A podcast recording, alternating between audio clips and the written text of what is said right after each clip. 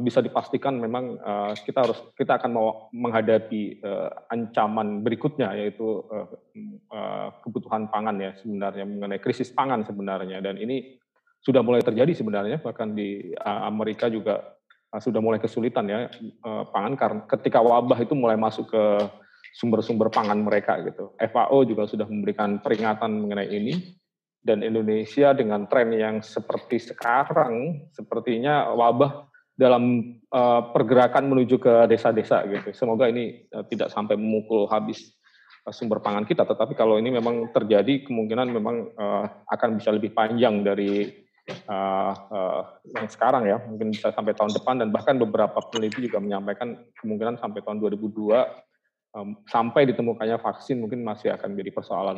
Nah, di tengah kondisi ini uh, baru-baru ini ya mungkin sekitar dua uh, minggu lalu sebenarnya uh, Presiden Jokowi menya, menyampaikan kembali uh, gagasan mengenai uh, mencetak sawah baru ya di lahan gambut di Kalimantan ya yang memicu kontroversi baru. Karena ini seperti uh, mengulang uh, mengingatkan kembali pada uh, kegagalan yang pernah dilakukan oleh proyek satu juta hektar uh, di lahan gambut Kalimantan Tengah waktu itu. Nanti mungkin akan diceritakan mengenai kondisinya saat ini karena Eh, kita tahu bahwa kebakaran hutan di Kalimantan uh, yang uh, intensif itu terutama terjadi setelah pembukaan ini ya sebenarnya lahan gambut itu. Jadi saya beberapa waktu, waktu lalu misalnya menulis mengenai uh, sejarah uh, ini ya sebenarnya paleoekologi kebakaran hutan di Kalimantan itu dalam 10.000 tahun memang kebakaran gambut sudah mulai terjadi uh, sejak uh, ribuan tahun yang lalu, tetapi menjadi semasif seperti saat saat ini baru dimulai sejak setelah 97 98. Nah, dan terus berulang sampai sekarang. Uh, beberapa waktu lalu juga kita sebenarnya melihat uh, Pak Jokowi cita-cita cita-cita di periode yang lalu ya padi jagung kedelai ya lagi mengulang hmm. lagi padi jagung kedelai dan ini sekarang akan di, sudah dibuka sebenarnya sawah-sawah di, di Papua dan seterusnya mungkin nanti Mas Tejo juga bisa sedikit menyinggung mengenai itu ya bagaimana uh, uh, situasi sebenarnya uh, proyek pembukaan cetak sawah yang sat, uh, di uh, di periode yang lalu sebenarnya sudah dilakukan di Papua, di NTT, uh, Kalimantan juga sebenarnya sudah dilakukan itu bagaimana kondisinya dan kenapa apakah memang urgen di sekarang dimunculkan kembali cetak sawah di lahan gambut kembali dan kenapa masih di situ dan seterusnya dan kenapa uh, masih harus sawah misalnya dengan konteks keragaman pangan di Indonesia yang sebenarnya juga macam-macam. Nah, untuk mempersingkat waktu, mungkin uh, kita bisa memulai. Uh, Mas Tejo ya yang akan memulai pertama dulu ya. Iya. Ya, silakan saya kasih waktu, Mas Tejo. Baik, baik, ya. Mas. Ya. Terima kasih. Selamat pagi, teman-teman. Uh, ini kita mencoba uh, mendiskusikan uh, di tengah uh, situasi yang sangat tidak menentu, tapi nanti kita bisa lihat apakah memang kondisi eh, situasi dan kondisi itu sudah berlangsung lama dan eh, tidak tidak terlalu kita hiraukan baru belakangan ini atau seperti apa. Nah, nanti kita kita akan coba eh, bahas itu.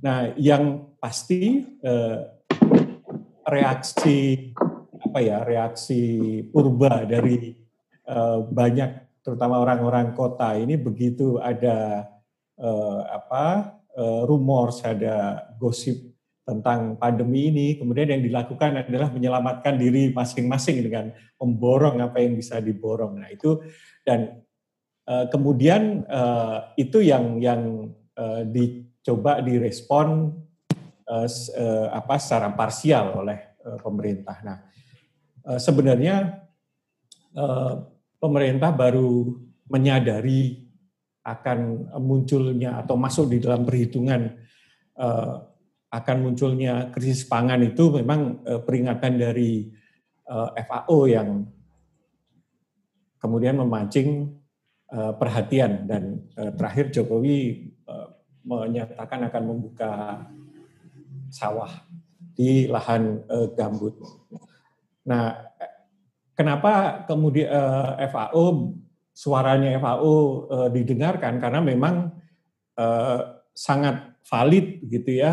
Apalagi itu das, dasar analisisnya dari dari uh, apa hal-hal yang dilakukan. Seperti misalnya PSBB atau lockdown di tempat lain itu memang me, membatasi pergerakan uh, baik barang maupun manusia. Sehingga meskipun barangnya ada gitu ya bahan pangannya ada itu akan akan uh, apa akan terhambat gitu. Baru kemudian itu uh, disadari oleh uh, banyak pihak gitu. Karena pandeminya memang tidak juga bisa di di apa uh, diprediksi dengan baik gitu. Nah di banyak uh, di banyak negara sudah mulai melakukan restriksi gitu. Seperti Vietnam dia tidak akan uh, menjual uh, apa berasnya ke luar, uh, Rusia juga demikian tidak akan menjual gandumnya gitu. Padahal kita tahu ini dua uh, beras dan gandum ini uh, merupakan dua kebutuhan pokok untuk uh, orang Indonesia gitu. Nah, yang juga perlu kita uh, apa? Kita pahami bersama bahwa krisis ini sebenarnya bukan bukan uh, krisis yang kita alami baru kali ini, tapi uh, ceritanya panjang dari tahun 74, 96, 2002, 2008 gitu.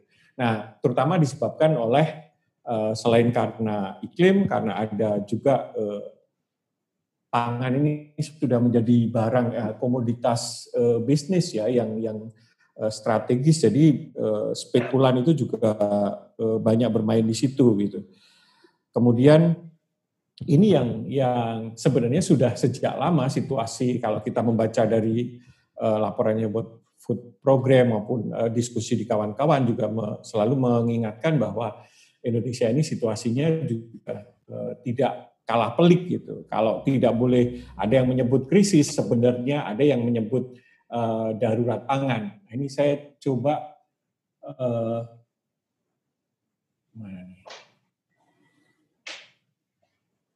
Oke, okay. oke. Okay. Sebentar, aduh, tadi sebenarnya udah dicoba. Hmm, bisa nggak nih? Oke, saya coba dulu. Uh,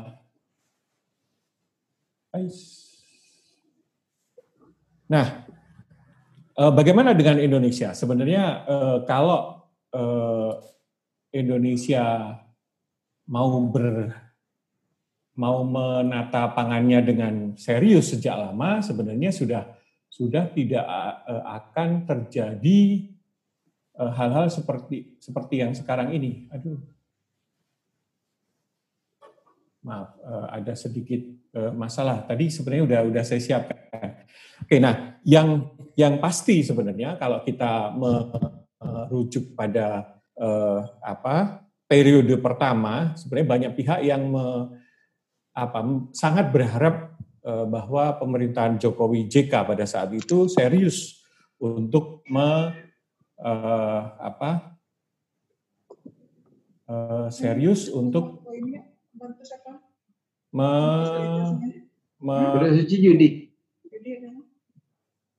menyelesaikan urusan pangannya gitu ya dengan dengan mari kita lihat eh, misalnya ini bahwa masalah-masalah yang eh, ditemukan di di lapangan gitu yang disuarakan oleh eh, teman masyarakat dan teman-teman CSO misalnya itu seolah-olah dijawab gitu. Masalah lahan dijawab masalah reforma agraria dijawab masalah apa penganekaragaman sumber pangan itu juga juga dijawab gitu. Dijawab dalam dalam uh, kerangka untuk uh, bahan kampanye gitu tapi kemudian nah ini yang yang yang sebenarnya menjadi masalah uh, itu antara janji kampanye dan uh, yang kemudian dituangkan dalam uh, visi misi kemudian diadopsi di dalam rencana pembangunan jangka menengah yang pertama itu itu ternyata banyak sekali bolong-bolongnya. Kalau tadi Mas Aik sudah menyinggung, itu sebenarnya uh, lagu lama yang diaransemen ulang. Jadi kedaulatan pangan yang diusung itu ternyata uh, sangat berbeda dengan uh, apa yang uh, terjadi di lapangan, gitu ya. Nah, ini, uh, nah saya langsung ke sini saja gitu. Ini uh, paling gampang melihat apakah Eh, pemerintah serius. Saya coba dari sekian puluh komoditas yang yang uh, dijanjikan akan akan apa uh, diperbaiki. Misalnya tadi Mas Sai juga menyebut uh, kedaulatan pangan itu diterjemahkan dengan program uh, Pajali itu yang paling kuat. Nah kita lihat dari uh, Pajali itu uh, padi gitu ya. Oke kalau kita uh, raport ini ini biru atau hijau artinya dia lulus gitu ya. Jagung Eh, juga demikian. Gitu. Tapi ada ada eh, apa permainan juga di situ gitu. Jadi eh, bermain statistik di situ. Seperti jagung eh, ternyata eh, di Tenggarai eh, ada upaya untuk me, me, mengurangi eh, konsumsi jagung yang kemudian dialihkan konsumsinya terutama untuk yang pangan ternak ke gandum karena harganya sama-sama murah gitu. Padi atau beras di sini sebenarnya sudah sudah surplus itu uh, ada yang menyebut surplus satu juta, ada yang menyebut surplus 2,8 yang selalu disebut-sebut. Tapi ternyata nanti kita lihat gitu, uh, angka impor uh, beras itu justru semakin semakin tinggi gitu. Jadi ini ada hal-hal yang yang uh, apa tidak sinkron. Nah, kemudian uh, kedelai, gula, daging yang uh, dijanjikan untuk uh, apa Eh, bisa swasembada ya untuk mendukung kedaulatan pangan bisa kita lihat angkanya sangat-sangat jauh dari dari bahkan justru menurun dibanding 2014. Eh, nah, ini kan eh, sebenarnya dari sini saja kita sudah bisa melihat potensi krisisnya itu ada gitu. Apalagi kita kaitkan bahwa dengan Indonesia yang doyan impor ini kita bisa lihat uh, uh, apa angka-angkanya gitu ya dari beras ke garam, kedelai, gandum, uh, daging gitu. Itu tidak ada perbaikan yang signifikan. Nah, ini produksi ada peningkatan, tetapi ternyata doyan importnya itu juga tidak. Jadi kecanduan importnya tidak tidak menurun gitu. Nah, kalau dikaitkan dengan apa Eh, pandemi ini dan eh, peringatan dari FAO jelas gitu bahwa ini situasi Indonesia eh, sangat mengkhawatirkan gitu. Nah ini juga gitu. Kalau mungkin banyak pihak santai-santai saja dengan situasi pangan kita sebenarnya sejak lama banyak teman-teman termasuk juga ADS sudah mengingatkan gitu bahwa oke okay lah kalau mau dikatakan lebih halus, ancaman ancaman krisis pangan itu uh, terus terjadi dan semakin dalam. Misalnya uh, bagaimana kita bisa memproduksi uh, pangan kalau jumlah penghasil pangan, saya contohkan petani dan nelayan itu menurunnya luar biasa gitu. Kalau di dari sensus ya 2003-2013 sudah diingatkan bahwa sekitar 500 ribu per tahun Eh, petani dan keluarga petani itu keluar dari eh, lahan pertaniannya karena terpaksa atau karena dipaksa. Nah ini kita lihat gitu data selama pemerintahan eh, Jokowi itu juga juga cukup mengkhawatirkan gitu. Bahkan angkanya di banyak tempat di banyak mana? lindanya? Oh nggak nggak ibu kasih internet tuh ya. Misalnya misalnya jumlah petani yang dari 35 juta menjadi 31 Kemudian eh, eh, apa nelayan itu sekarang tinggal 1,6 juta. Nah, lahan pertanian juga begitu. Ini yang yang eh, apa tidak selama ini tidak tidak ditangani dengan serius gitu. Eh, saya begitu lihat eh, begitu mendengar dan melihat pernyataannya eh, Jokowi, saya langsung langsung mengambil kesimpulan ini eh, kebijakan yang panik gitu, diakibatkan oleh kepanikan. Gitu. Karena selama ini tidak ada tidak ada upaya yang eh, serius untuk eh, misalnya menjaga lahan pertanian. Ini sawah dari 7,75 juta 2016 itu sudah 7,1. Jadi rata-rata sekitar 100 ribu hektar. 90 ada yang menyebut 96 sekian ya untuk untuk eh, apa angka pastinya, tapi sekitar 100 ribu hektar. Sementara pencetakan sawah itu hanya maksimal eh, pernah terjadi 2000 2016 pernah mencetak 120 ribu, tetapi sesudah itu itu selalu di bawah eh, 40 ribu. Bahkan eh, 2018-2019 itu hanya 6 ribu, 6 ribu hektar sawah yang di, dicetak.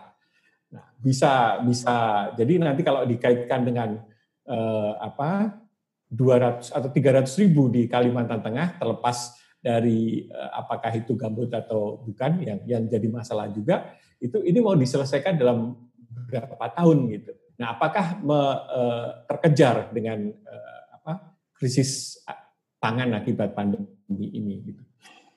Ini saya uh, saya ingin menegaskan juga bahwa uh, ambil cepat misalnya 8 komoditas utama gitu ya dari 2014 ke 2018 itu angka angka importnya itu naik uh, secara uh, total itu 5,67 juta ton naiknya. Jadi semakin tahun itu semakin semakin naik gitu. Karena apa? Karena ya produksi pangan kita tidak tidak bertambah karena luas lahan dan apa penghasil pangannya terbatas. Jumlah penduduknya juga apa yang harus diberi makan uh, semakin banyak gitu.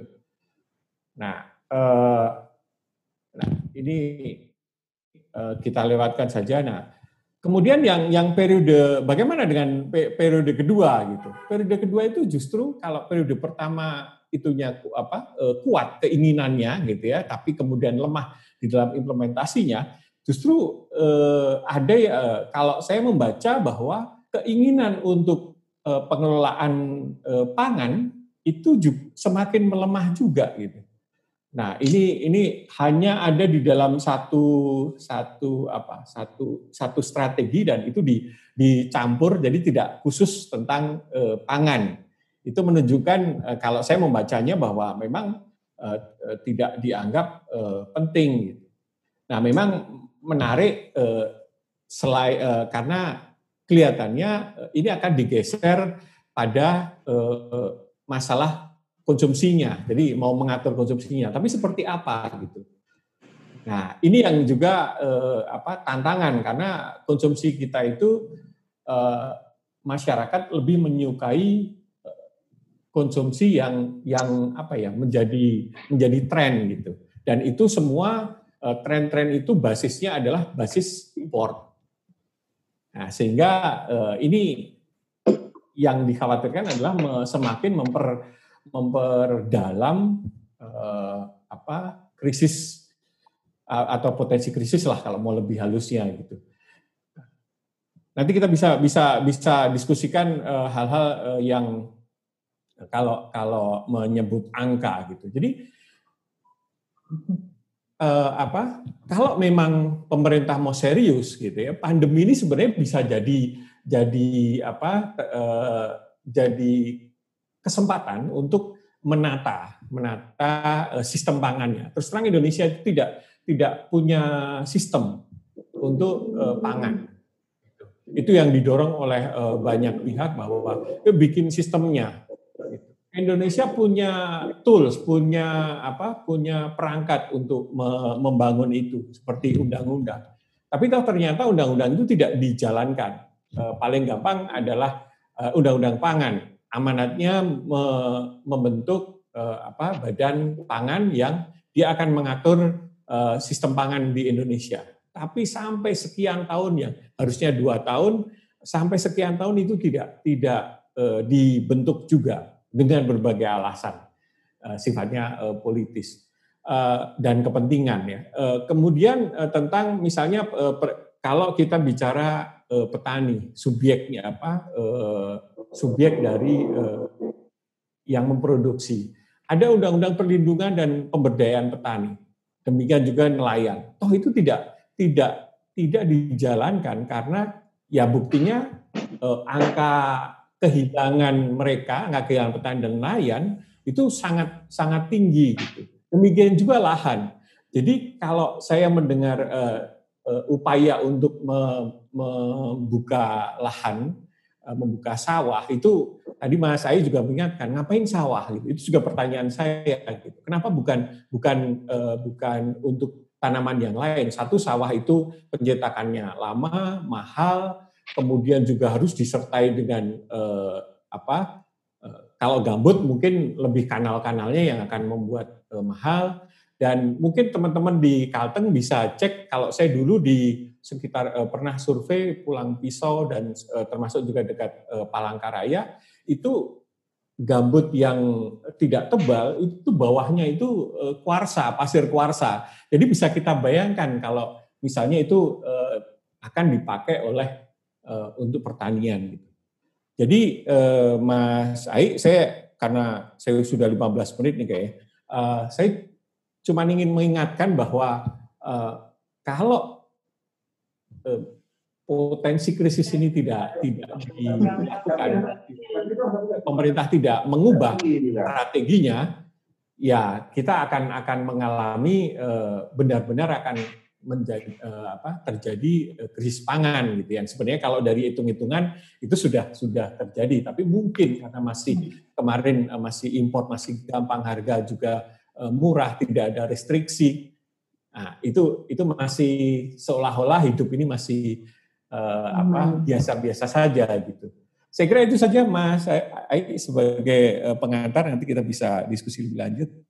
Terima kasih uh, Mas Tejo atas uh, waktunya. Jadi uh, ada beberapa hal yang menurut saya menarik ya.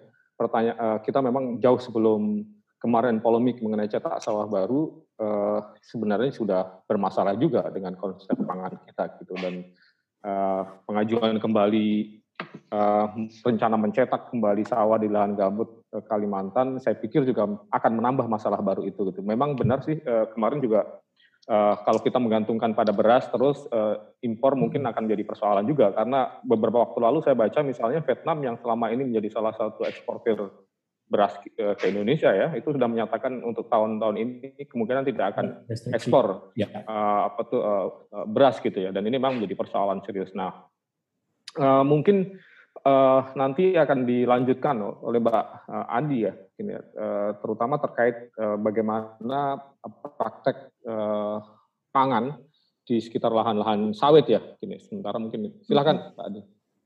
Ya, terima kasih Mas Arief. Selamat pagi teman-teman menjelang siang. Saya Indah dari Sawit Watch akan coba ya memaparkan kondisi perkebunan sawit dan tantangan terhadap persoalan pangan ke depan. Nah, kalau kita lihat kondisi secara umum lahan pangan itu uh, jadi ada lahan basah yaitu sawah, juga ada lahan kering dan juga ada lahan uh, non padi. Nah, uh, sebenarnya tahun 2019 uh, Desember itu uh, pemerintah itu mengeluarkan kebijakan baku sawah. Baku sawah itu um, melalui Kementerian ATR um, itu tahun 2019 ya pada bulan Desember apa, mengeluarkan baku sawah itu 7,6 eh 7,4 juta hektar. Artinya ini harus eh, apa yang tidak yang sawah harus eh, tersedia dan kemudian ini sebaran terbesar masih berada di Pulau Jawa. Eh, secara umum lahan ini tidak boleh dikonversi menjadi eh, penggunaan eh, lain. Jadi memang eh, ini diutamakan eh, ke Pulau Jawa ya dan kemudian yang ketiga, eh, angka di atas perkiraan jauh lebih kecil jika dibandingkan dengan eh, angka sesungguhnya. Setidaknya hasil uji verifikasi yang pernah dilakukan eh, Sawit Watch dan eh, pemerintah di Kabupaten eh, Bulungan menggunakan baku eh, sawah ini atau penetapan 7,4 juta itu tidak tidak signifikan sebenarnya, tidak memberi uh, apa. Uh, nah, Eh, kebijakan ini uh, keputusan Menteri ATR BPN ini mestinya kan uh, menjadi acuan ya untuk PLP 2B. Tapi sayangnya ini tidak uh, di daerah-daerah pun PLP 2B itu atau kebijakan perlindungan lahan pertanian dan uh, pangan berkelanjutan itu tidak berjalan dengan uh, dengan baik. Nah, uh, saya akan jelaskan itu di slide berikutnya. Kemudian untuk lahan kering yaitu berupa peladangan, arealnya diperkirakan jauh lebih luas, namun uh, ada ancaman tidak boleh uh, membakar dan juga lahan pangan lainnya.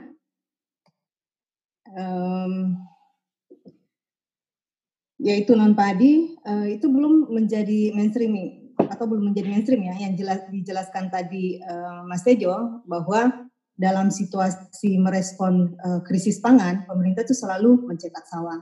Tapi ini sebenarnya kontradiktif atau paradoks ya dengan uh, kebijakan yang lainnya di mana uh, sawah uh, di memperbanyak pencetakan sawah tapi itu tidak menambah perluasan sawah sebenarnya. Karena uh, di sisi lain ada kebijakan juga yaitu uh, kegiatan pembangunan yang lainnya itu mengkonversi lahan uh, pangan atau lahan pertanian untuk uh, peruntukan yang lain seperti industri, uh, perkebunan sawit, uh, pertambangan dan juga infrastruktur. Jadi ini sebenarnya uh, kita lihat bahwa terjadi tidak konsisten sebenarnya kebijakan-kebijakan yang di di apa namanya dikeluarkan oleh uh, pemerintah ini uh, kita sendiri selama ini. Jadi wajar saja bahwa kalaupun uh, sangat banyak uh, sawah dicetak dan ini kan sudah berja berjalan sekian uh, tahun ya, bahkan uh, sudah lebih dari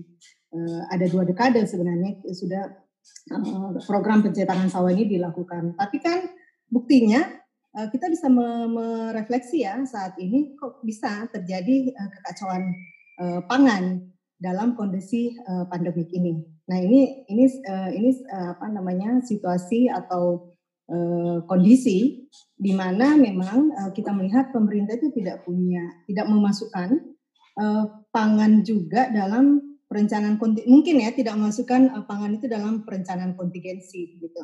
Jadi sementara uh, saya agak keluar sedikit misalnya melihat situasi pandemik ini Nah, ini kan terjadi uh, secara masif ya, di mana pangan itu menjadi uh, persoalan.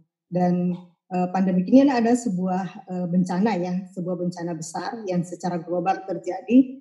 Tapi uh, kalau kita melihat sejarah uh, bencana di Indonesia, ini bukan untuk nasional ya, walaupun uh, di, di, di Indonesia, um, walaupun tidak terjadi secara nasional, misalnya kan banyak bencana uh, ekologi, bencana alam dan bencana lainnya Nah itu kan tidak belajar dari situ bagaimana repotnya atau bagaimana eh, apa apa kejadian-kejadian kecil ini itu pun eh, pemerintah selalu gagap ketika eh, terjadi bencana eh, misalnya bencana alam atau bencana eh, yang lainnya eh, itu kan pemerintah ya eh, maksudnya selalu gagap dalam merespon eh, kebutuhan eh, pangan eh, masyarakat atau masyarakat yang terkena dampak eh, bencana.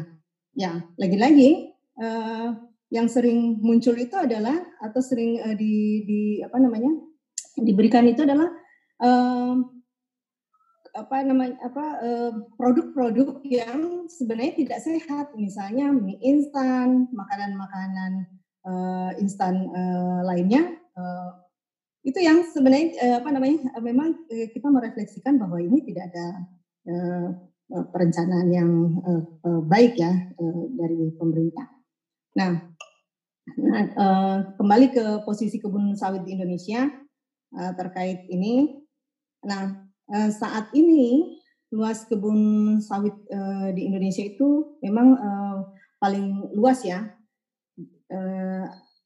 Data sawit watch itu ada 22,34 juta hektar. Itu data sawit watch. Kemudian uh, 65 persen itu kebun besar kebun besar ini ada swasta dan ada juga uh, masih ada uh, uh, PMA dan juga ada uh, dalam negeri ya, misalnya perusahaan uh, dalam negeri. 35 persennya itu adalah kebun sawit uh, rakyat dan kemudian total CPO-nya itu 25 juta ton. Uh, ini 20 jutanya itu untuk ekspor, sementara 35 jutanya itu hanya uh, untuk kebutuhan uh, domestik ya. Nah, ada 30 uh, eh, grup uh, perusahaan yang uh, ber atau ber, uh, berada di uh, sektor uh, sawit ini. Nah, konsumsi uh, minyak sawit kebutuhannya itu sekitar 30 megaton itu 2004 kemudian uh, naik uh, di tahun diprediksi ya untuk tahun 2030 itu sekitar 50 megaton. Nah pertanyaannya kalau uh, ini mau di mau dipenuhi 50 megaton ini mau diambil di mana? Apakah ini di lagi-lagi ekspansi uh, untuk di di Indonesia? Bagaimana Sementara kondisi eh, apa namanya di Indonesia sendiri itu eh, antara lahan eh, sawit dengan lahan pangan itu sudah sangat eh, kom, berkompetisi ya atau saling eh, ini. Nah, nah lanjut kemudian eh, dalam uh, perkebunan sawit ini ada uh, relasi aktor sebenarnya uh, ada perkebunan uh, atau perusahaan, ada pemerintah di internal perusahaan itu sendiri ada uh, kebun sawit, ada buruh dan petani sawit. Nah, uh, juga um, perusahaan sawit ini juga ada berada di dalam uh, kawasan hutan dan kemudian di uh, eksternal uh, perusahaan uh, perusahaan itu sendiri ada masyarakat adat, ada masyarakat lokal dan juga uh, pertanyaannya Eh, sebelum ada moratorium sawit, itu ada ekspansi perkebunan sawit skala besar uh, kurang lebih 500 ribu per hektar ya, itu per, per tahun. Uh, itu ada dari hutan. Kalau kita cek di lapangan, uh, di ini banyak mengambil uh, uh, sebenarnya lahan-lahan uh, pangan dan lahan pertanian yang oleh pemerintah uh, ini tidak di, dilihat uh, tidak dilihat uh, sebagai suatu uh, persoalan atau suatu uh, tenaga, tekanan dinamis uh, ketika terjadi situasi darurat pangan. Gitu.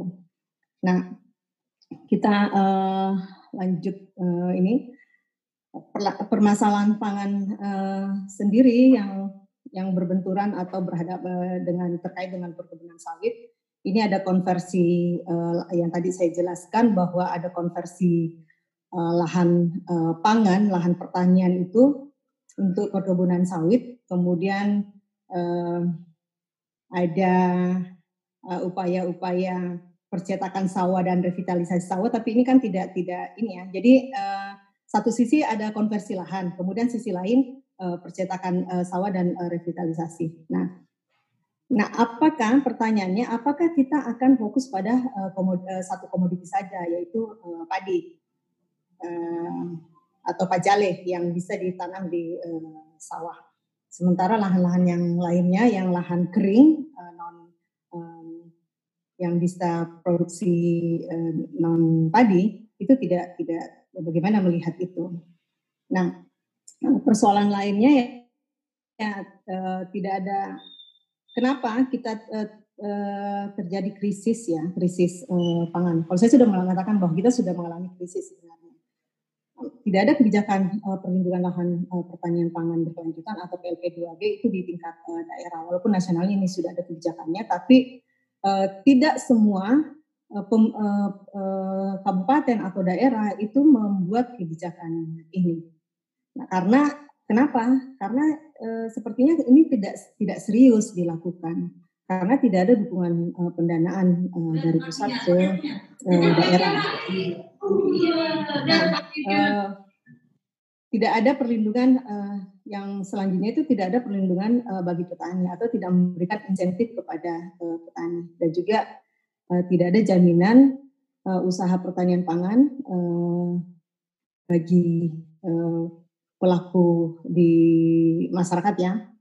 Daya dukung ke lingkungan juga sudah uh, apa sudah sangat uh, berkurang atau uh, menurun terhadap uh, lahan uh, pangan.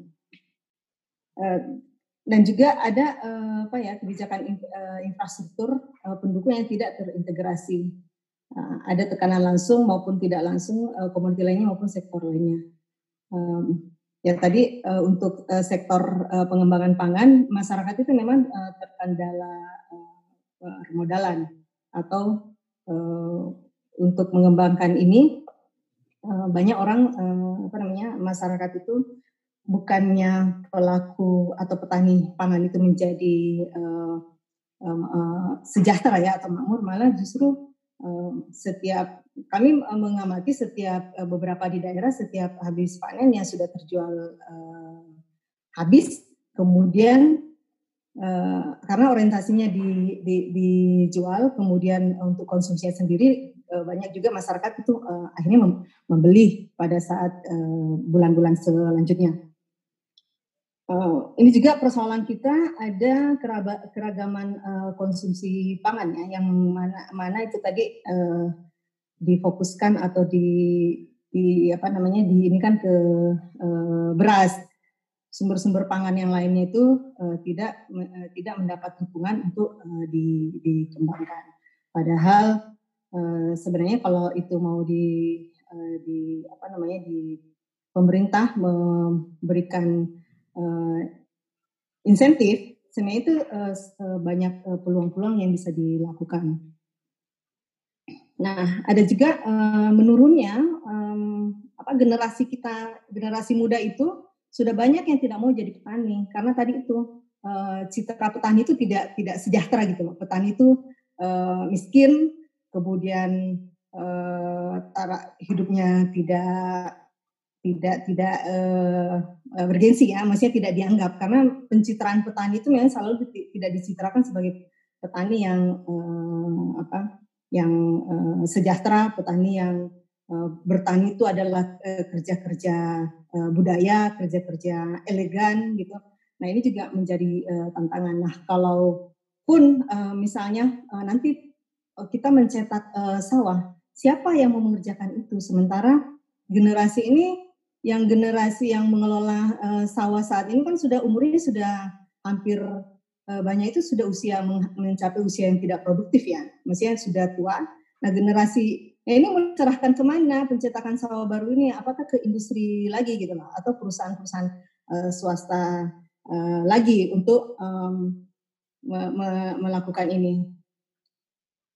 Nah. Uh, kalau kita melihat uh, pertanian uh, lanjut ya, pertanian pangan di lahan uh, basah, uh, pada gambut itu ada fungsi lindung dan kita tahu ya uh, di gambut itu ada fungsi lindung dan uh, fungsi uh, budidaya. Nah, uh, uh, tapi uh, pada tata kelola lahan gambut kita lihat ada di situ ada konsep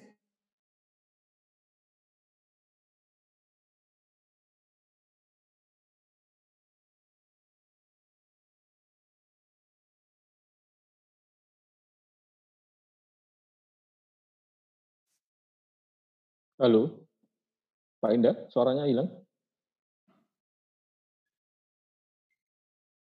Hilang ya? Saya pikir cuma di tempatku. Iya, iya. Mungkin lagi bad, bad ini, sinyal buruk.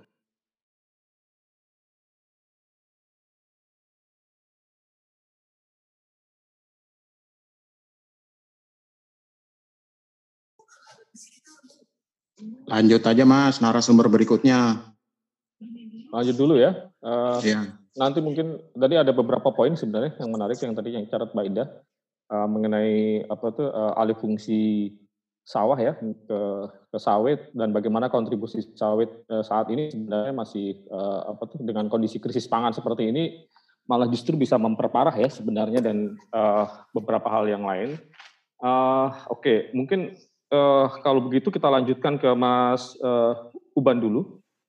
Uh, uh, sebagai pemateri berikutnya yang mungkin akan menyampaikan mengenai pengalaman sebenarnya di Kalimantan ketika uh, setelah satu juta hektar waktu itu uh, dan mungkin sekat, uh, kondisinya saat ini dan berikutnya. Karena mungkin menarik juga ya mungkin nanti kita harapkan disampaikan oleh Mas Uban mengenai bahwa sebenarnya lahan gambut ini uh, uh, juga sebenarnya bisa selain fungsi konservasi ya sebenarnya uh, di situ juga bisa menjadi fungsi produktif juga yang tanaman yang lebih sesuai sebenarnya untuk untuk apa tuh untuk tumbuh di sana salah satunya sebenarnya juga tanaman pangan ya sagu dan seterusnya ya Kalimantan sendiri sebenarnya ketika saya baca sejarahnya juga sebenarnya uh, salah satu uh, pemakan sagu sebenarnya. Jadi saya beberapa waktu lalu misalnya jalan ke beberapa tempat di Kalimantan, salah satunya di komunitas Punan yang di Kalimantan Utara itu mereka ternyata uh, masih mengkonsumsi sagu gitu dan ternyata sagu ini merupakan salah satu tanaman uh, pangan yang yang yang tertua yang dulu justru di, dimakan di Kalimantan gitu yang kaya dengan gambut gitu. Nah, mungkin nanti bisa diekspor mengenai itu juga Mas Uban. Silakan waktunya Mas Uban. Yes, terima kasih Mas Arif.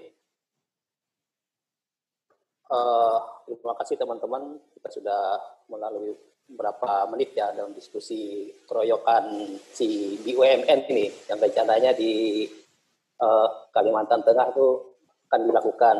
Uh, tadi sampaikan sebenarnya uh, cetak sawah. Tanda kutip ya cetak sawah bukan cetak pangan. Uh, pengertian pengertian tersebut yang harus di uh, kita lihat lagi. Saya uh, tidak menampilkan slide karena untuk di XPLG sendiri sebenarnya slide itu sangat banyak slide sangat banyak dan juga penelitian sangat banyak dan juga itu tempat jadi uji coba dan juga sebenarnya di banyak kegiatan-kegiatan baik donor dan di pemerintah. Nah, di sini saya hanya mengingatkan lagi sebenarnya bagaimana uh, dulunya sebelum saya jadi aktif juga sebenarnya uh, proyek XPLG dan juga uh, merasakan bagaimana yang setiap tahun selalu mengisap uh, asap ya sejak dibukanya XPLG tahun 95 dan 95 itu kebijakannya uh, Kepres 82 95 kemudian di Januari 98 itu mulai uh, pengerjaannya.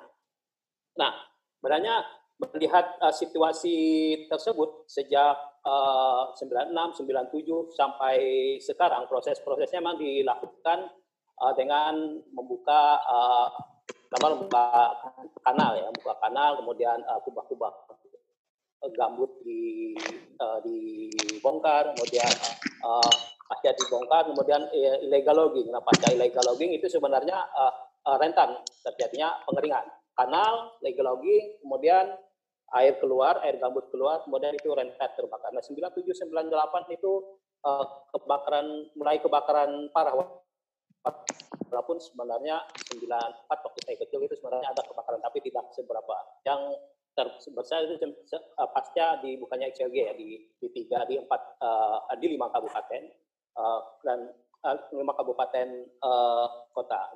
Sebenarnya target-target yang di apa yang dilakukan pasca orde baru itu uh, uh, zaman uh, Presiden uh, Soeharto ya. Bagaimana sebenarnya melihat uh, sebenarnya mereka tuh hanya melihat bukan saus sebenarnya melihat pangan di uh, di Riau. Ya 62 hektar kemudian dilihat cocok kemudian dibawa ke uh, Kalimantan.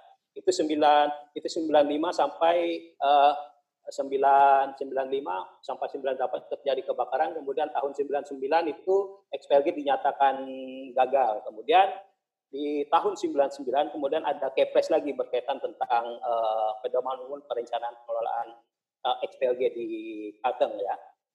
Kemudian pasca kepres tersebut di uh, apa uh, era otonomi tahun 2000 kemudian 2001 uh, XPLG itu diswastakan Nah, mulai sejak saat itu uh, sudah terbuka jadi kanal, kemudian illegal logging, kemudian uh, diswastakan dan itu di menggunakan dana APBN ya 1,6 triliun pada saat itu. Itu zamannya uh, Pak Menteri Pengarang Seragi kalau nggak salah.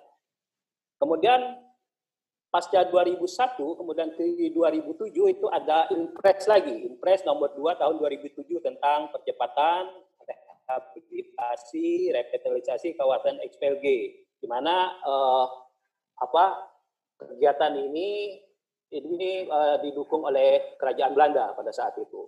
Itu sangat uh, sangat banyak sekali investasi-investasi uh, dari luar termasuk donor dan ya 2007 sampai 2010 mengeluarkan uh, beberapa dokumen dan peta. Nah, sebenarnya uh, di dalam uh, impres nomor 7 di dokumen tentang percepatan ini sebenarnya sudah sudah sudah sudah banyak sekali ya, sudah banyak sekali kemudian ada dokumen, kemudian ada peta penyesuaian lahan di mana sawah, kemudian di mana lokasi perkebunan itu sudah sudah sangat baik sekali sebenarnya. Cuman tidak terlalu di, tidak direspon oleh uh, pemerintah uh, provinsi dan kabupaten. Jadi selama 2007 sampai 2010 uh, kegiatan ya hanya sedikit saja mengambil uh, dari proses-proses kebijakan yang ada tersebut. Kemudian di 2000 di 2008 kalau berkaitan dengan luar ada uh, IAFCP proyek di antara Indonesia dan Australia. Itu sampai tahun 2012 yang saya ketahui hanya ya hampir sama sebenarnya menjadi uh, lokasi contoh ya ada di tujuh tujuh desa sekarang jadi tujuh desa. Dua sembilan desa tujuh desa di dua dusun. Sekarang sudah jadi di sembilan desa karena sebenarnya hampir sama dengan kegiatan restorasi gambut. Hampir sama sebenarnya. Kegiatan KFCP atau IAFCP kegiatan KFCP itu itu hampir sama. Dari soal uh, PLTB uh, lahan apa uh, pertanian lahan tanpa bakat, kemudian buat demplot, kemudian penanaman, kemudian uh, peningkatan kapasitas untuk masak, kemudian tingkat kanal itu pokoknya sudah sudah sudah ada lah dilakukan. Tapi di prosesnya terkait kebijakan politik di Australia, kemudian di tahun 2012 uh, yaitu berakhir, benar berakhirnya di 2014 ya akan ada penambahan waktu yang itu yang saya tahu hanya mengeluarkan ada namanya dokumen PTGLD, eh, dokumen uh, tata guna lahan desa dah itu aja. Yang sebenarnya itu yang harus dilakukan di Kabupaten Kapuas di XLG. Kemudian di 2013, 14, 15 itu sudah itu kebakaran terus. Yang terjadi yang uh, besar itu di 2015 ya kebakaran. Terus kemudian 2015, kemudian di 2016 ada Perpres nomor 1 tahun 2016 tentang uh, restorasi gambut, ada restorasi gambut. Dengan target sebenarnya uh, 2,67 juta hektar. Yang terakhir di Desember itu sebenarnya uh, target restorasi itu ada 778 ribu hektar. Uh, di Kalteng sendiri itu ada 339 hampir 400 ribu hektar ya yang di restorasi. Itu klaimnya dari uh, uh, kepala BRG Pak uh, Pak Pak, Pak Fuad. Nah, uh, kaitan itu juga uh, berkaitan dengan pasca di 2015, kemudian di 2016 saya akan kembali ke tadi disampaikan Mas Tejo berkaitan dengan uh, cetak sawah. Jadi kalau eh, cetak sawah itu orang itu pasti sawah. Itu itu uh, anunya ya uh, gambarnya. Nah, di cetak sawah di 2016 itu ada uh, kalau Pak Jokowi pada saat itu mentargetkan ada 17.300 hektar di 14 kabupaten kota. Tapi ternyata pas sudah diteliti, dimasukkan uh, data, kemudian ada pengurangan, ada pengurangan sekitar 750, ada uh, jadi 16.500. Nah, kemudian di itu di sembilan kabu ke kabupaten kota ya, yang yang mana itu dilakukan oleh uh, bersama TNI. Nah, kemudian uh, selagi pasca proses itu juga dilakukan proses-proses restorasi. Kalau di kelompok masyarakat itu di 2016 melakukan pembukaan lahan bersama si uh, TNI, kemudian di sisi lain ada kelompok masyarakat yang sudah mulai uh, menyekat proses sekat, sekat kanal. Itu terjadi di beberapa uh, tempat ya di Kecamatan Kaya Liri dan di Jabiren Raya pada saat itu.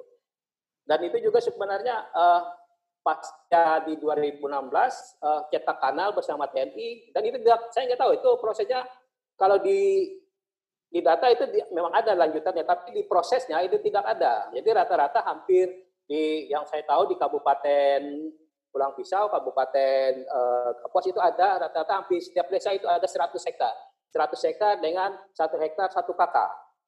Nah, eh, dan sampai informasi eh, saat ini pun sebenarnya makanya saya ini kan kalau berkaitan dengan cetak baru misalnya, kenapa tidak yang ada saja? Karena yang dulu aja bersama TNI itu sudah menjadi apa simpukan ada tikusnya, simpukan itu timbunan ya Ya, dan tidak mestinya di 2017 itu dilanjutkan di prosesnya. Itu yang saya uh, kami ketahui di 2016 di 2017 pasca pasca uh, apa uh, cetak sawah bersama uh, uh, TNI. Kemudian di 2017 kemudian ada penambahan uh, kalau berdasarkan datanya itu ada 4.600 hektar di uh, lima, lima kabupaten ada Kotim, Seruyan, Sukamara. Kalau tadi sembilan di sini agak uh, berkurang dia. Kotim, Seruyan, Sukamara, Katingan, Pulang Pisau, dan uh, Brito Timur. Itu ada 4.600 eh 4.600 hektar. Kemudian di 2018 itu ada hanya di dua kabupaten itu karena yang potensial lihat itu uh, hanya Kabupaten Kapuas dan Pulang Pisau itu ada 4.000 hektar ya. Di Kapuas 2.000, kemudian eh 200, uh, 400 hektar maksudnya di Kapuas 200, kemudian di Pulang Pisau itu ada 200 ribu hektar uh, dengan uh, apa karena alasannya uh, produksi padi di kedua kabupaten itu uh, meningkat. Nah, berkaitan dengan data tersebut di klaim di klaim Kementan di, dari sejak 2014 sampai 2016 area cetak sawah keseluruhan itu di ini di Indonesia ada 200 tidak salah 215 ribu hektar. Nah, di 2018 itu uh, tidak bukan cetak sawah lagi, kalau tidak salah bahasanya lebih ke revitalisasi rawa ya kalau tidak salah ya revitalisasi rawa di 2018 kan uh, uh, cetak sawah. Nah, sementara di pada saat di mana di provinsi di 2016 target yang uh, 17.000 itu sebenarnya itu sebagian berada di uh, hutan produksi, hutan produksi. Nah, ini kan kebingungan juga pada saat itu kepala dinas uh, pertaniannya. Para uh, yang ada itu hanya apa uh, yang per April aja sih terbangin hanya 3.500 hektar April 2016. Kemudian uh, sebenarnya harapannya teman uh, sebagian agar sebagian lokasi uh, yang berada di HP itu bisa menjadi APL itu permintaan di uh, KLHK.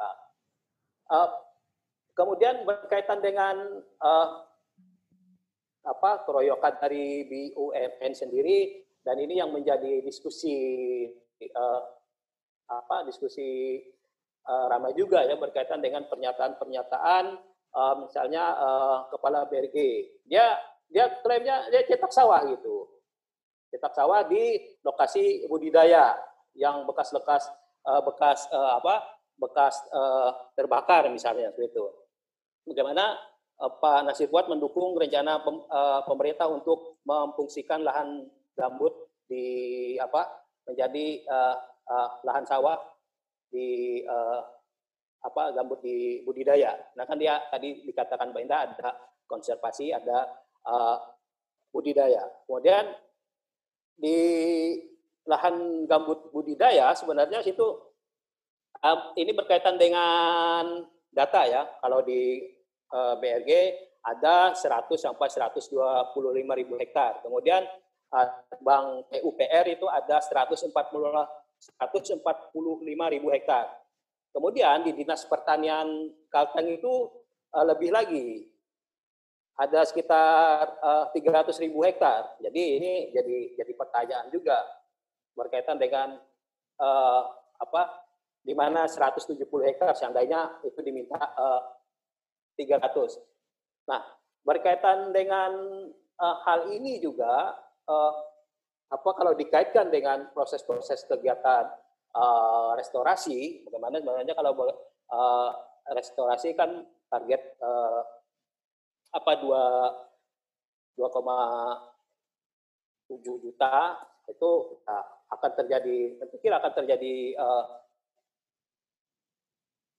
terjadi pengurangan apabila di budidaya. Nah, kondisi saat ini juga selain pasca pasca uh, lokasi cetak sawah bersama TNI itu tidak di tidak dilanjutkan, apakah juga akan dicetak lokasi baru? Itu kan lokasi cetak dari Kementerian Pertanian itu cetak baru juga pertanyaannya. Apakah itu di dalam kawasan hutan atau di luar atau di APL?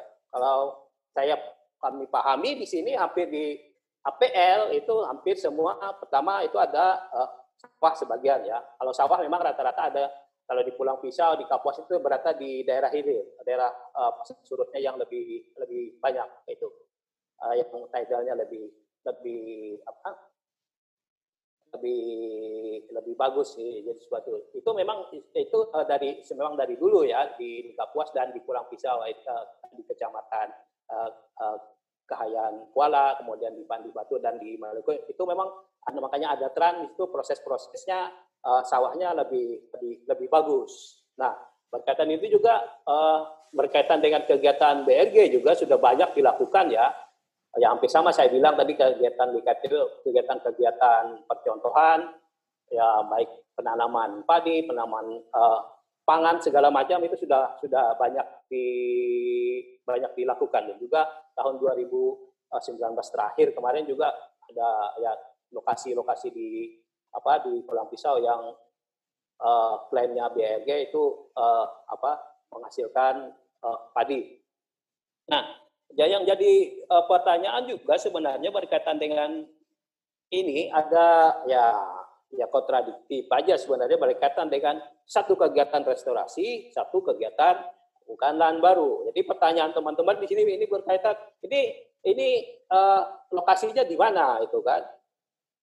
Kalau klaim si eh, BRG, ini lokasinya di budidaya. Budidayanya di mana itu kan? Jadi ya, luar kawasan hutan. Di luar kawasan hutan berarti di APL dong. Kalau uh, di APL, di APL itu sudah punyanya si kalau oke okay, kita mendukung itu kalau itu di APL. Tapi uh, di APL itu kan pertama banyak uh, kebun masyarakat rata-rata uh, apa rotan misalnya. Ada eh rotan, ada karet. Kemudian sekarang lagi trennya uh, sengon, sengon, jabon. Dan sebagian uh, kalau mau ya di daerah hilir tersebut diintensifkan sawah-sawah uh, milik uh, petani yang di uh, daerah agak ke hilir yang dari di dekat laut ya. Jadi uh, peta lokasi cetak sawah itu pas kemarin tadi disampaikan juga sebenarnya uh, berkaitan dengan Mas Tejo tadi bijak, uh, kebijakan yang panik itu makanya ini datanya data yang uh, panik juga kemungkinan ya. Ya asal ngomong saja gitu kan. Dan dengan uh, apakah kita di apa menggunakan ini ada malah ada pernyataan dari dari ke dari Kementan kalau eh dari bukan dari uh, kepala Kementan dari dari uh, di Kementan itu uh, menggunakan data dari perhutanan sosial.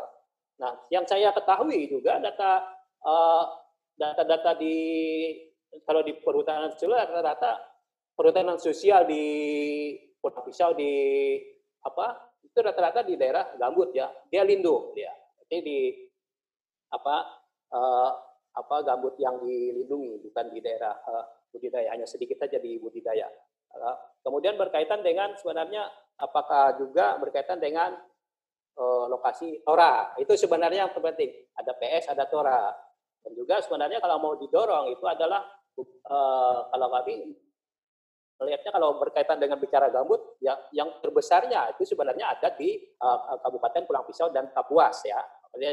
Kemudian kalau sebenarnya ada daerah-daerah lain sebenarnya lokasi cetak sawah itu ada di Kota Waringin Barat, ada di Kota Waringin Timur dan Seruyan. Mungkin bisa di situ. Kemudian di Barito Timur dan Barito Selatan lokasi tersebut. Kemudian eh, terakhir juga ini berkaitan dengan kenapa tidak mengoptimalisasi eh, lahan yang sudah dibuka tahun 2016 yang eh, bersama apa Kementerian Pertanian eh, dan TNI tersebut. Ya, saya kalau ke kampung ya beberapa kampung mereka masih yang menanya juga yang 100 hektar satu Ya kenapa mereka sebagian juga menolak? Kalau 100 hektar kemudian satu kakak mereka pikir itu tidak cukup. Mungkin ya itu pertama. Dan kedua juga karena sudah terjadi beberapa tahun jadi simpukan itu akan jadi uh, sarang tikus. Itu pasti itu sama dengan zaman XPLG dulu. Pas dibuka kemudian jadi tumpukan simpukan itu akan menjadi uh, uh, sarang tikus. Dan kedua kedua juga berkaitan di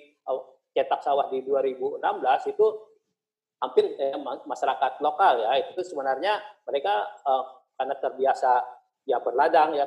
Belum belum terbiasa bersawah. Tapi yang terpenting sebenarnya kalau di PR misalnya Kalau di FPL ya kita tahu sendiri itu milik warga, kemudian ada ya itu ada izin ya, izin. Kalau di Pulang Pisau itu ada sekitar 18 perkebunan sawit. Kecuali mau lokasi izin sawit itu dijadikan uh, cetak sawah baru misalnya, ya itu uh, itu lebih ya tidak apa karena ini berkaitan dengan kalau cetak sawah itu kita akan bicara soal uh, hidrologinya, tata airnya. Sebenarnya itu yang terpenting kan berkaitan dengan lokasi-lokasi uh, uh, uh, cetak sawah.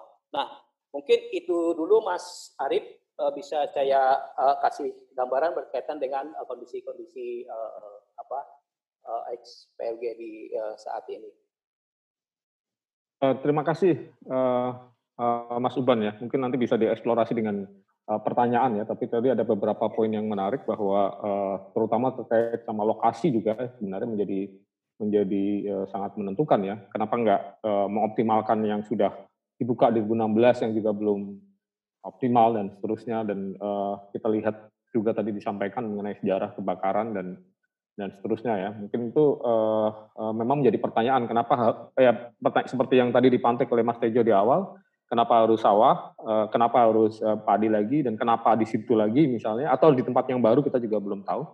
Nah uh, beberapa pertanyaan nanti bisa dielaborasi di diskusi berikutnya nanti kita harap Mas Al Badri Arif ya dari masyarakat gambut jaringan gambut Sumatera mungkin akan menceritakan dinamika yang sedikit berbeda atau mungkin malah sama persoalannya gambut di Sumatera ya. Mungkin silakan Mas. Baik terima kasih Mas Arif dan kawan-kawan semua. Sebelumnya saya minta maaf karena satu dan lain hal saya belum menampilkan presentasi kita untuk diskusi siang ini. Namun demikian, saya berharap tidak mengurangi semangat kita. Baik, eh, kawan-kawan eh, semua, terkait dengan kondisi kekinian pasca kebakaran 2019 secara umum, baik Riau dan Sumatera, sesungguhnya kebakaran ini tidak hari ini saja, atau 2019 saja.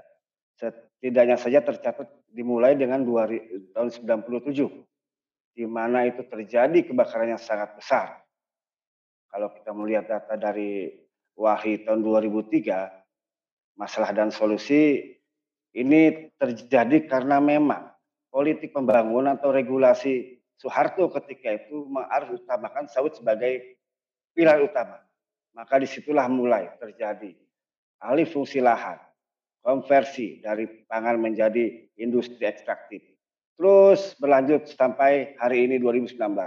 Nah sesungguhnya mau kalau dari catatan kita, dari catatan yang sudah ada, kebakaran yang sangat dahsyat itu sesungguhnya tahun 97. Karena memang melintasi beberapa negara sampai ke Australia ketika itu. Dan jatuhnya pesawat Boeing segala macamnya. Nah, kondisi gambut masyarakat atau petani gambut hari ini pasca kebakaran 2019 adalah setelah kita diskusi dengan beberapa kawan-kawan di jaringan masyarakat gambut Jambi, Sumsel, Aceh, mereka hari ini tiada pilihan lain memang membiarkan larangan mereka karena ada larangan ada larangan tidak boleh membakar. Pilihan yang sangat pahit buat mereka. Maju maju kena, mundur kena, itulah istilahnya. Karena memang mereka bagi masyarakat bagi masyarakat yang yang yang ya, apa yang mengelola sawah dan uh, yang menghasilkan sawah dan palawija itu tidak ada pilihan lain karena memang uh, apa pengelolaan mereka yang membakar atau memerun ini memang dilarang dilarang misalnya kalau di pelelawan itu misalnya yang produksi jagung mereka sangat khawatir ada ditangkap misalnya karena ke, ketika mereka melarang dilarang untuk melakukan pembakaran lahan mereka tidak punya pilihan lain. Maka ber, ber, berujung pada turunnya produksi uh, jagung di wilayah tersebut. Nah, ada hal yang menarik terkait dengan pelarangan uh, membakar lahan. Nah, hasil penelitian SIPOR oleh Mas Dedi itu di Pelelawan Ihud dan Hill pada, pada Juni 2016 dan 2000, April 2017 ternyata pelarangan itu mengakibat, mengakibatkan penurunan produksi di tingkatan petani gambut ketika itu. Nah, selain itu juga memang kondisi hari ini kita semua disibukkan dengan persoalan hukum. Misalnya di Riau ada 10 korporasi yang yang sedang disidang dalam dengan berbagai proses. Kemudian juga ada 71 petani gambut yang yang disidang sudah putus dan sedang mengalami proses. Ini semua menjadi persoalan buat kita semua, khususnya masyarakat eh, petani gambut. Nah, ini yang yang yang menjadi akhirnya karena politik regulasi suatu ketika itu harus utamakan industri ekstraktif berujung kepada memang krisis pangan. Kalau kita bicara krisis pangan, sejak 86 FAO juga sudah menyampaikan itu. Hati-hati dengan krisis pangan. Nah ditambah lagi memang dengan politik pembangunan kita yang berorientasi ekstraktif tadi, alih fungsi lahan dan sebagainya. Nah Makanya ketika ada ide dan gagasan Presiden Jokowi me, me, me, mendorong BUMN me, melakukan pencetakan sawah, maka pertanyaannya, benar saya sepakat yang disampaikan Bung Uban, di mana? Siapa yang akan melakukan? Karena memang di gambut ada fungsi lindung, fungsi budidaya. Nah, pertanian palawija itu ada di di bawah 3 meter. Nah, makanya kita diskusi dengan kawan jaringan masyarakat Gambut Jambi, Sumatera Selatan, Aceh, jangan mengulangi lagi kesalahan masa lalu. Makanya kalau ini tidak dibereskan, kebakaran hutan, krisis pangan, dan terpinggirkannya masyarakat petani gambut akan terus masif. Karena kalau pengalaman saya diskusi dengan kawan-kawan di, di, di petani di Pelawan, dengan adanya pelarangan itu, maka masyarakat yang tidak punya lahan, yang hanya mengandalkan lahan lahan lahan, lahan kering, mereka berganti profesi menjadi buruh, menjadi upahan di pabrik dan sebagainya. Nah, saya pikir itu Mas Arief, saya pikir lebih baik apa lebih banyak untuk kita mendiskusikan mengekspor dari diskusi diskusi kita ini. Oke, uh, terima kasih Mas. Jadi sudah empat pembicara menyampaikan uh, presentasinya. Uh, ini ada beberapa pertanyaan sebenarnya yang sudah uh, masuk ya di uh, chat ya, tetapi juga uh, uh, kami persilahkan teman-teman kalau mau uh, bertanya langsung di sini bisa uh, tunjuk jari, raise the hand. Uh, sebelum sambil saya bacakan ya pertanya beberapa pertanyaan teman-teman yang di chat ya. Uh, kalau ada yang mau bertanya langsung nanti langsung aja. Oke. Okay, uh,